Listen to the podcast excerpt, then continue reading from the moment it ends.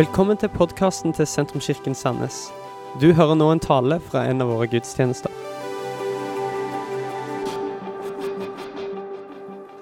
Vi har en serie nå denne måneden som handler om salmene, og som handler om mer enn bare salmene, men som handler om vår, våre følelser.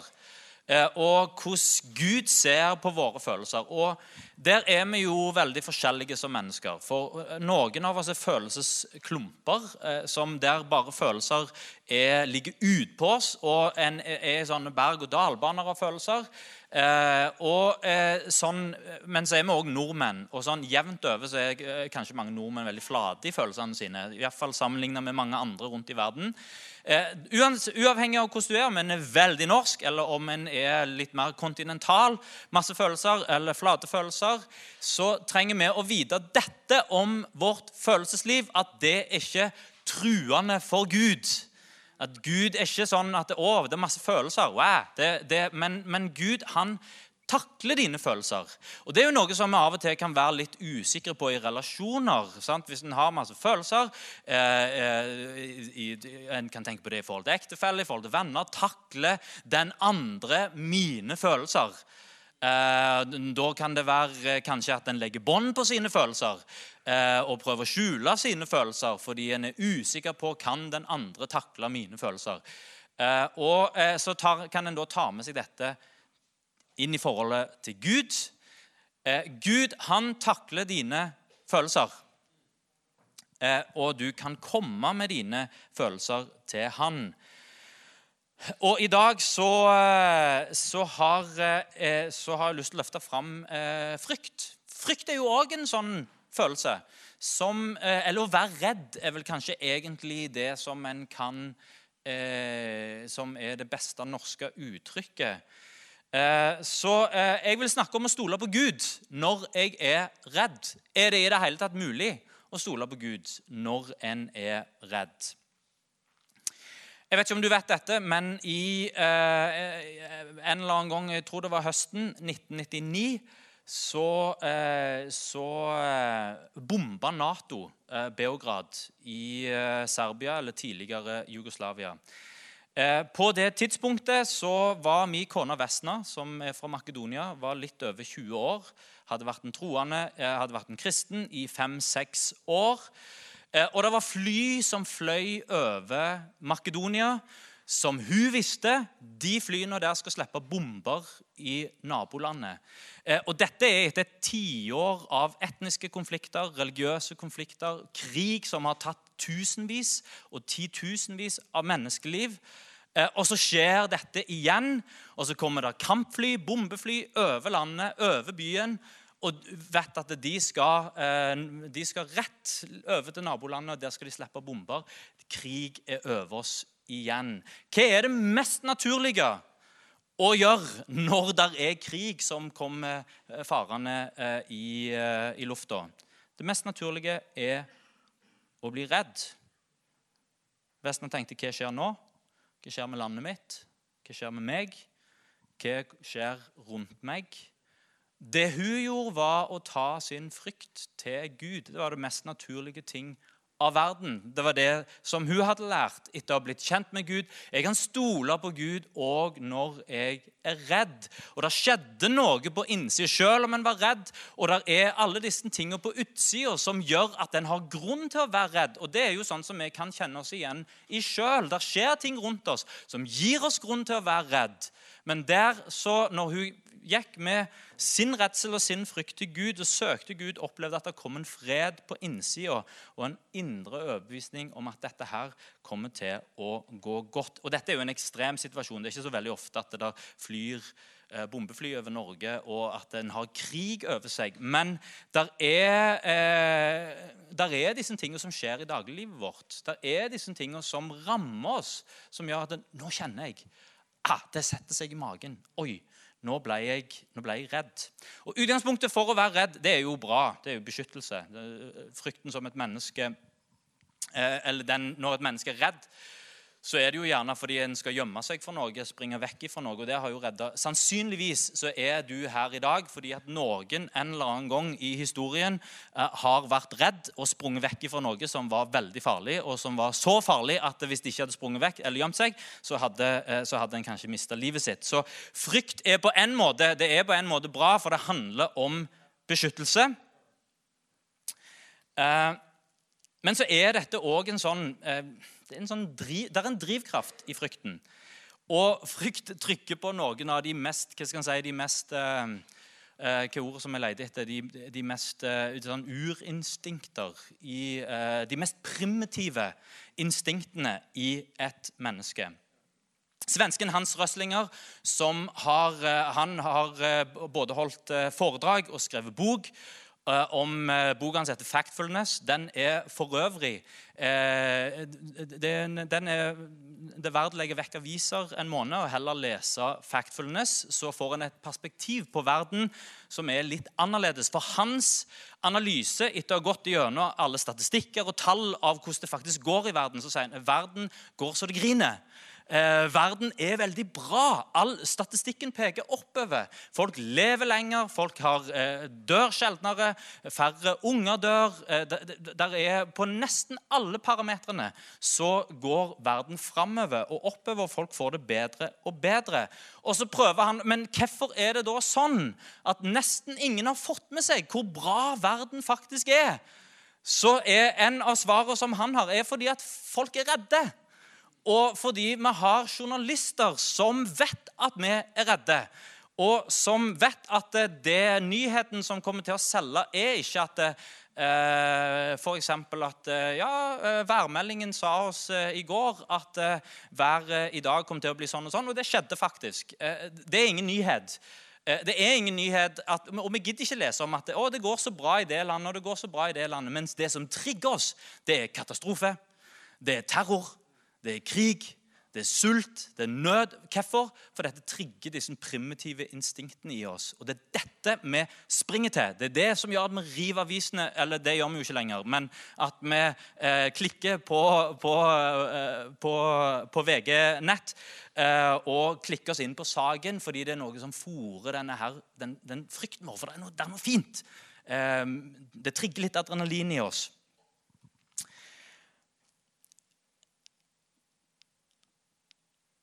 Så har vi frykten for det ukjente. Jeg husker Det var en gjeng med amerikanske ungdommer som var på teamtur her i Norge. De var fra, de var fra Texas. Eh, fra, eh, og eh, jeg tror aldri de hadde tatt De hadde ikke tatt ferjer før.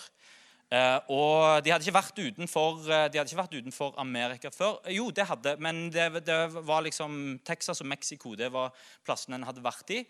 Eh, og Så kom en til Norge, og Norge var et nytt land. Og Så skulle en, ta, skulle en på en tur som, eh, som førte med seg eh, ei ferje. Men da satte foreldrene på, hjemme i Amerika de satte seg på bakbeina. Det er uaktuelt.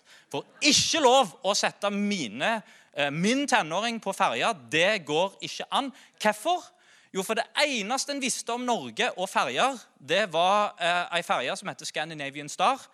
Uh, og den, uh, den, gikk ned, uh, og det var flere som mista livet sitt. Så det eneste som hadde kommet fra Skandinavia til, over til Amerika, som de hadde hørt om, det er en av de få tingene. Det handler om ei ferje, og det handler om ei ferje som sank. Og så, Når en ikke da kjenner så mye mer, så er det, er det ikke naturlig at det første som en tenker Sånn tenker vi om mange deler av verden. Eh, det er bare ukjent. Og det instinktet vårt sier at dette trenger vi å være redd for. Kanskje er du redd på arbeidsplassen din. Kanskje er du redd for sjefen din. Kanskje er du redd for å gjøre feil eller for å mislykkes. Kanskje er du redd for å miste jobben. Kan hende han er redd for sykdom, for ulykker. Veldig naturlig å være redd for ungene sine. En er kanskje redd for å dø redd for økonomien sin. I relasjoner så kan en være redd for konflikt i ekteskapet og være redd for ekteskapet. Kommer ekteskapet mitt til å holde? En kan være singel og være redd for å forplikte seg og kanskje miste friheten. Eller en kan være singel og kanskje redd for å forbli alene. Og så har vi dette at jo ofte, jo eldre som vi blir, det kjenner iallfall jeg meg igjen i, at jo eldre en blir, jo mer redd blir en. Eh, en er 20 år og tenker at verden den ligger for mine føtter. Og så blir en noen og 40, og så tenker en at jeg ligger for verdens føtter. Eh, og så får en barn, og da er det òg naturlig at det preger hvordan en ser på livet. Og kanskje også når en får mer ansvar, så er det òg naturlig at det kommer med ansvaret. Eh, at en lett, lettere blir redd for alle konsekvenser og hva som skjer for noe. Hva gjør vi når vi er redd? Vi kan prøve å forberede oss, vi kan ta forhåndsregler, vi kan skjerpe oss, vi kan utfordre frykten vår. Jeg husker når jeg var eh, i, eh, i, slutten av tenåra og jeg merket jeg var litt redd for mørket. Så da bestemte jeg meg for at eh, nei, fy søren, jeg er, jeg er jo ikke, jeg er ikke mørkredd. Det går ikke an. Eh, og gikk ut på en sti en, i en skog uh, uh, på høsten. Det var helt svart, så absolutt ingenting. og bare gikk på den stien. Jeg visste hvor han gikk hen, og tilbake igjen, og bare merket at nei, jeg er ikke redd. Utfordre, utfordre frykten, det kan en gjøre. En kan møte frykten, og det er jo òg en bra ting. faktisk. Ofte så går vi rundt og er redd for ting, og de skjer aldri med oss. Og så plutselig skjer det som en var så redd for, og så fikk en se at ja, men det var ikke så, det var ikke så fælt allikevel. Eksempelet er jo tannlege, kanskje, som, eh, som, eller det å ta Jeg vet ikke om noen husker det når en skulle ta eh, sprøyter på, på, i barneskolen. Så, så eh, altså, Jeg gikk rundt i en måned tror jeg, i forkant av det sprøytestikket. Og jeg gruer meg så my mye at jeg gikk liksom, den måneden er forsvunnet av livet mitt. For det handla bare om angst for eh, å dra og, og, få det der sprøytestikket. Og så kom en, og så er det jo Jeg, jeg stramte hvert eh, alt i hele kroppen når jeg var livredd. Og så er det jo det der lille stikket over på to sekunder, så er det ferdig. Eh, så av og til så er det bra å møte det som en er redd for, å finne ut at det var ikke så gale allikevel. Men hva har Gud å si for vår frykt, og hvordan kan Gud møte frykten vår? Og kan vi stole på Han når vi er redd? Og da skal vi slå opp i Salme 91, en av de vakreste salmene eh, i Salmenes bok, og et av de vakreste kapitlene i, eh, i Bibelen. Vi skal lese fra vers 1, og vi skal ta gjennom hele salmen. Den som sitter i skjul hos den høyeste og finner nattly i skyggen av den veldige, han sier til Herren, min tilflukt og min borg, min Gud som jeg setter min lit til, som jeg stoler på. Han berger deg ifra fuglefangers snare, fra pest som legger øde. Under hans vinger kan du søke ly. Han dekker deg med sine fjær. Hans trofasthet er skjold og vern. Du skal ikke frykte for redsler i mørket, i natten, for piler som flyr om dagen, for pest som farer fram i mørket, for plage som herjer ved middagstid. Om tusen faller ved din side, ti tusen ved din høyre hånd, så blir du ikke ramma. Du skal bare følge det med øynene og se at den skyldige får si lønn. Du, Herre, er min tilflukt. Den høyeste har du gjort til din, bo. Den har du gjort til din bolig. Det skal ikke hende deg noe vondt. Ingen plage skal komme nær ditt telt, for han skal gi sine engler befaling om å bevare deg på alle dine veier. De skal bære deg på hendene, så du ikke støter foten mot noen stein. Du skal tråkke på løve og slange og trampe på ungløve og orm. Jeg berger han når han holder seg til meg. Jeg verner han, for han kjenner mitt navn. Når han kaller på meg, så svarer jeg, jeg er med han i nøden, jeg frir han, ut, og jeg gir han ære. Jeg metter han med et langt liv og lar han se min frelse. Det er ikke noen tvil om at denne salmen her, den handler om å være trygg hos Gud. Og den løfter fram det motsatte av det å være redd. Den løfter fram trygghet. Det å ha fred på innsida. Det å ha det godt. Og Nå kan en ikke vite hvilken sinnsstemning denne salmen her er skrevet i, men det er ikke usannsynlig at salmen er skrevet i en sinnsstemning av å være redd. For her ser vi du skal ikke være redd for det, ikke være redd for det, ikke være redd for det, ikke for det som er om natta, ikke for det som er om dagen, ikke for pilene som flyr her, og pesten som kanskje kommer der. Eh, der er en undertone i denne salmen av at kanskje salmisten har vært litt redd når en har skrevet denne salmen her. Og at denne salmen her om trygghet i Gud og om å stole på Gud er en respons på en følelse av at jeg er litt redd. Og jeg tror vi kan kjenne oss igjen i det. Det er beskrevet frykt for fiender, for ulykker, for nederlag osv. Det, er klart, det, er ikke, det er gjerne ikke fiender en går og er redd for i vår tid, men det er nok av disse tingene i vår hverdag som så lett kan sette oss ut, og der frykten kan sette seg eh, og sette seg i oss. Hva er det salmisten gjør her? Det første han gjør, og det er det første punktet mitt her, det er å plassere seg hos Gud. Jeg skal være i hans bolig. Jeg skal være i hans rettferdighet. Jeg skal være i hans festning. Jeg skal tro på han. Jeg vil holde meg til hans sannhet.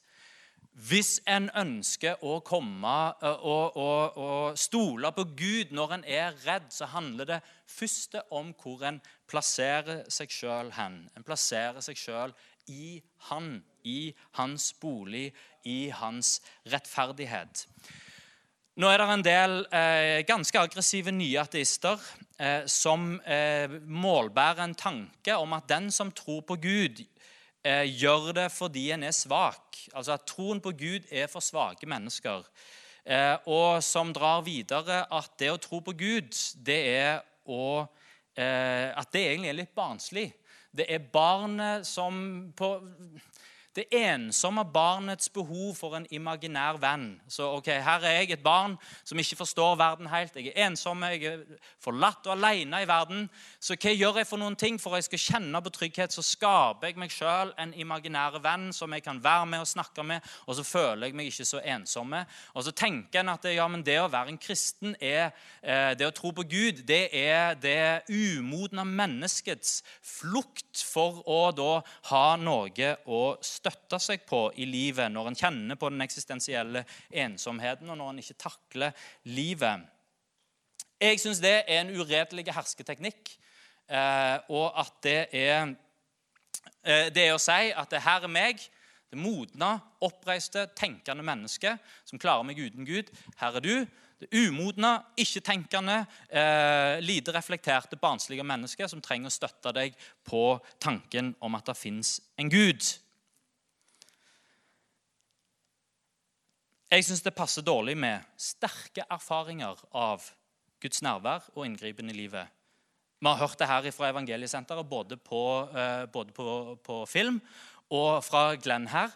At eh, det å, eh, når, når, når, en kommer til Gud, når en roper til Han i nød så han, Det er ikke bare en imaginær venn, men her handler det om en erfaring av at Gud er nær. Gud setter meg fri. Gud fyller meg med kjærlighet. Her er det noen ting som jeg kan ta på, som jeg kan kjenne, og som endrer livet mitt, som gjør at jeg går fra ikke har lyst til å leve, til å glede meg til hver dag. Det er klart at det er eh, og, det, og det er på både det mirakuløse nivået og det er på det følelsesmessige følelsesmessige nivået. En sånn måte å se på forholdet til Gud det passer heller ikke med sterke, rasjonelle argumenter for at Gud fins.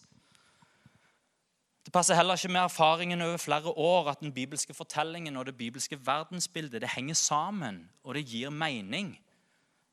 Jeg snakket med ei som, som, som, som, eh, sa det at på et, et tidspunkt så, så glapp troen. Og da når troen glapp, så var det akkurat som at hei, ingenting i verden ga, ga mening lenger. Fordi den bibelske fortellingen, og fordi at Gud gir mening til vår tilværelse. Ikke bare som en imaginær venn, men fordi han er reell.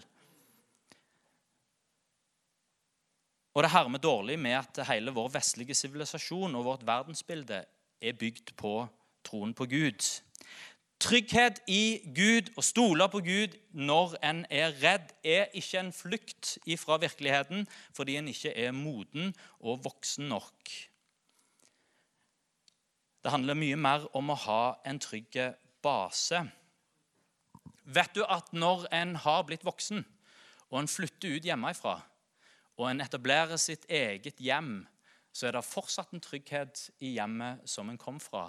Fortsatt så er det sånn at en, en godt voksen mann, en godt voksen dame, som er sterke i seg sjøl Når en kjenner på at jeg er redd, verden går imot meg, så er det trygt og godt å komme hjem til sine foreldre.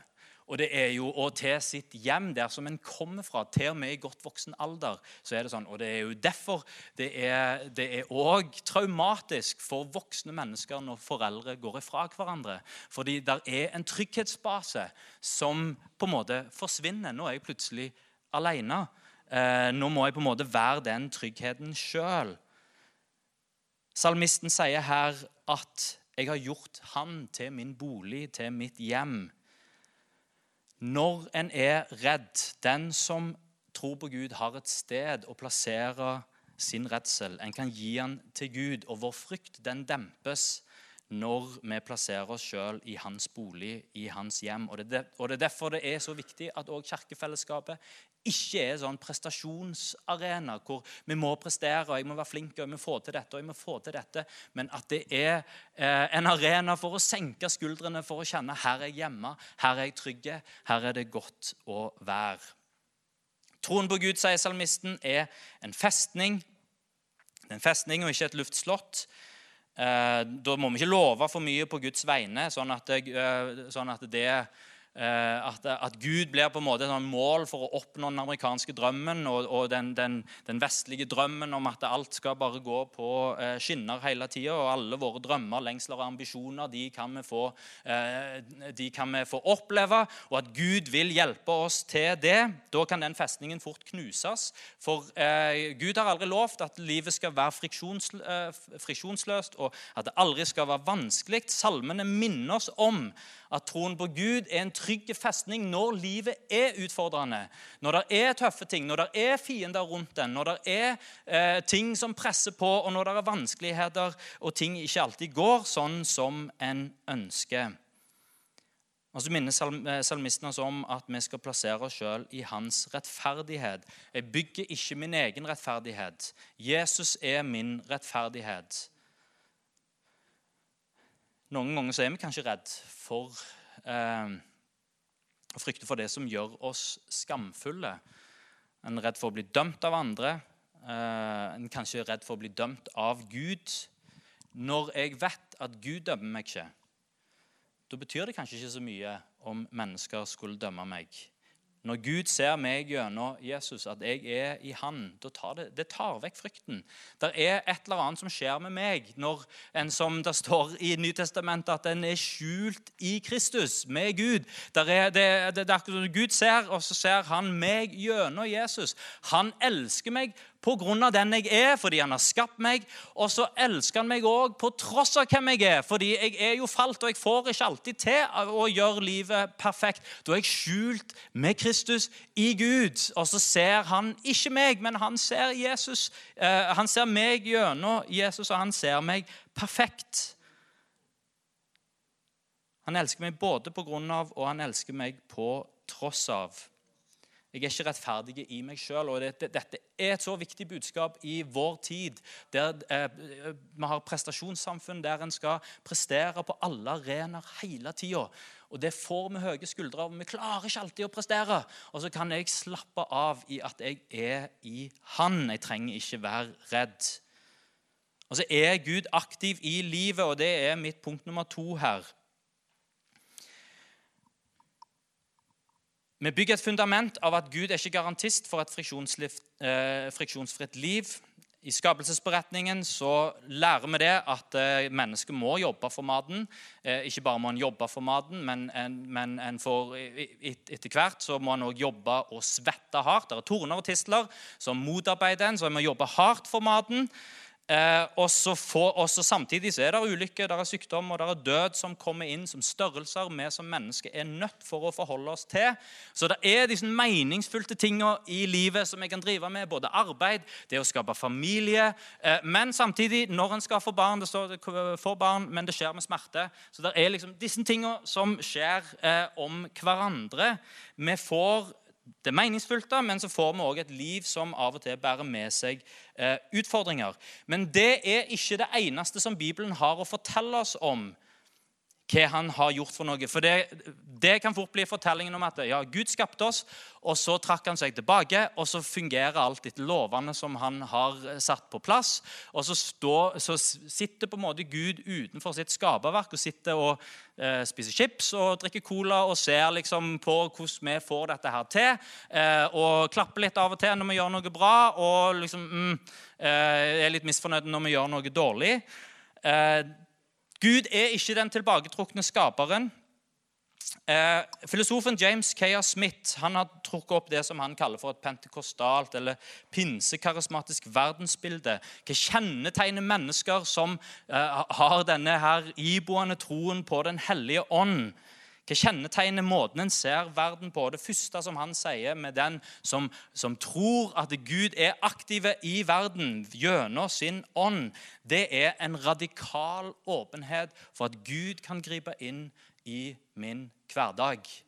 Det er en enkel tro på at Gud bryr seg om at jeg står opp om morgenen, at jeg går på jobb, at jeg er sammen med mine venner, at jeg går på skolen, at jeg har en økonomi som skal gå rundt. Han bryr seg om mitt hus, han bryr seg om min bil, han bryr seg om mitt nabolag, han bryr seg om min sykdom, han bryr seg om mine redsler, og han bryr seg om mitt liv. En radikal åpenhet for at Gud ikke bare bryr seg om det som skjer i livet, men han er også klar til å kunne gripe inn i livet. Tenk på det. Disse her ordene som eh, Jesaja blant annet, som sier 'Se, jeg gjør noe nytt'. Gud han slutter ikke å skape. Han, han hvilte på den 20. dagen etter han hadde skapt alt, men så sier han etterpå 'Se, jeg gjør noe nytt'.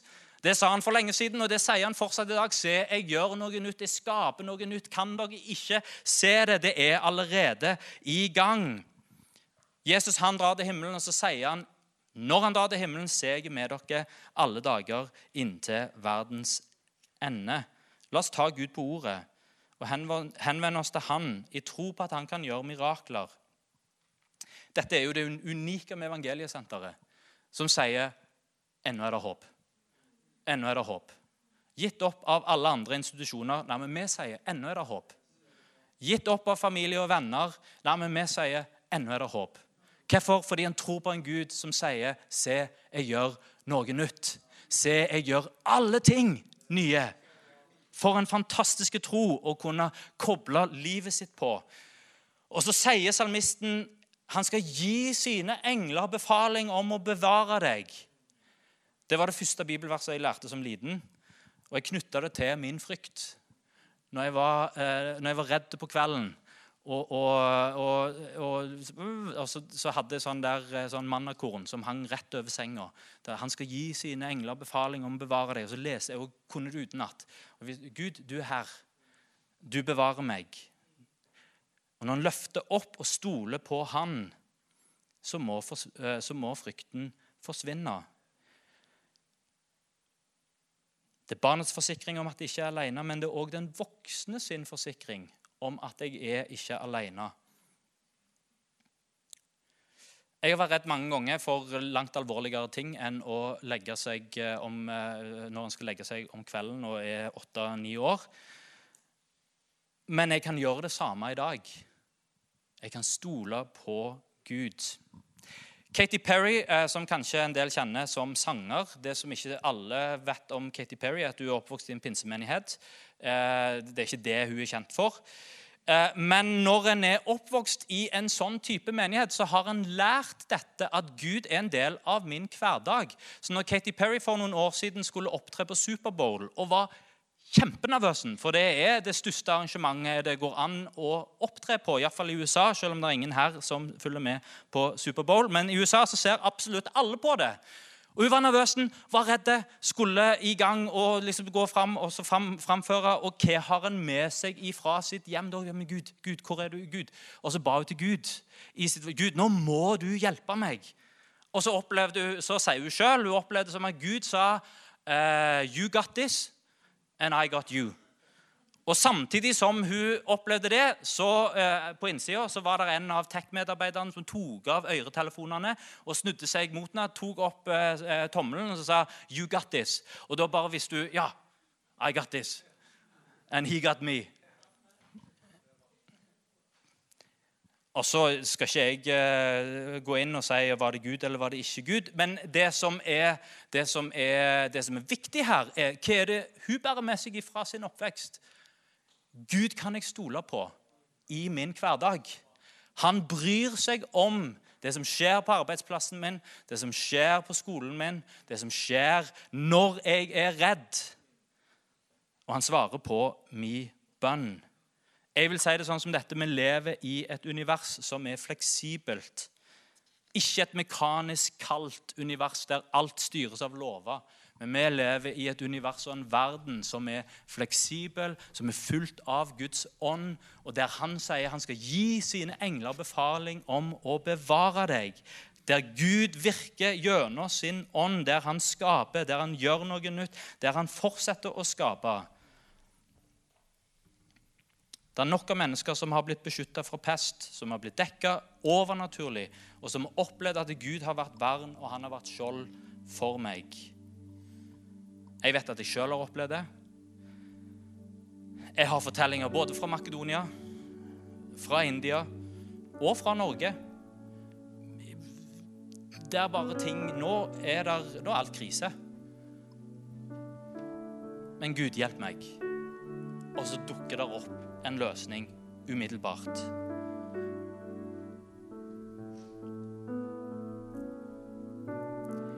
Og det siste her, og det er det jeg vil avslutte med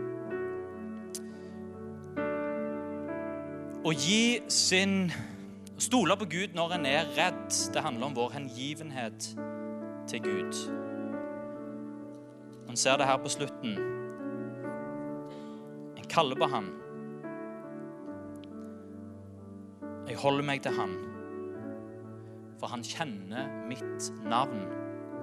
Å holde seg til Gud og kalle på Gud, det er definitivt en strategi for å holde frykten sin i sjakk. Når han kjenner jeg er redd, når han kjenner det er angst som setter seg, da kan jeg kalle på Gud. Da kan jeg holde meg nær til Gud. Jeg er plassert i Han. Det vet jeg. Jeg vet at Han er mektig til å kunne gripe inn i livet mitt. Og så plusser jeg på den hengivenheten som sier at i det som skjer nå, Gud, så vil jeg ta et steg mot deg. Så vil jeg kalle på deg. Og så vet jeg at du svarer. David får spørsmål om han helst vil havne i Guds hender etter han har gjort noe ikke så lurt. Vil du havne i Guds hender, eller vil du havne i, i menneskers hender? Eh, David svarer mennesker kjenner jeg godt. Eh, jeg vil ikke havne i menneskers hender. Gud han er barmhjertig og nådig og langmodig. Jeg vil havne i Guds sine hender. Vår hengivenhet til Gud. Vi kjenner, Han kjenner mitt navn, og jeg kjenner hvem Gud er.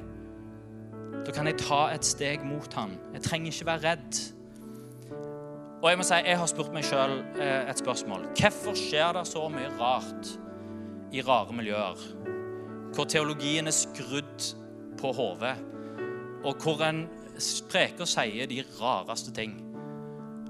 Og så allikevel så skjer det både mirakler, og det skjer og folk opplever Gud, og det ene med det andre skjer. Og så tenker jeg med meg sjøl Gud, eh, jeg vet du er opptatt av teologi, Gud. Hvorfor skjer det der, og ikke liksom der alt er liksom mm, Her er ting på plass. Og Nå skal ikke jeg ta på meg at, ja, at det er Gud som har sagt dette, men jeg lurer på om det kan ha med dette å gjøre. Med en hengivenhet.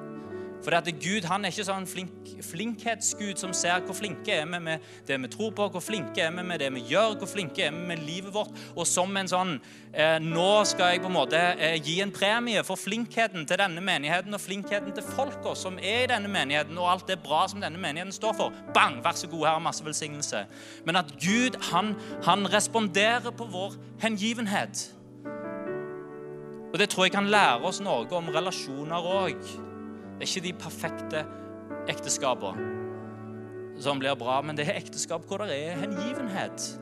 Og hvor det begås feil, og hvor en ber om tilgivelse, og hvor en rydder opp i det, og hvor en er hengiven overfor hverandre. Jeg har lyst til å oppmuntre oss til en hengivenhet som sitter fast i banene våre. Vaner som bringer oss nær Gud.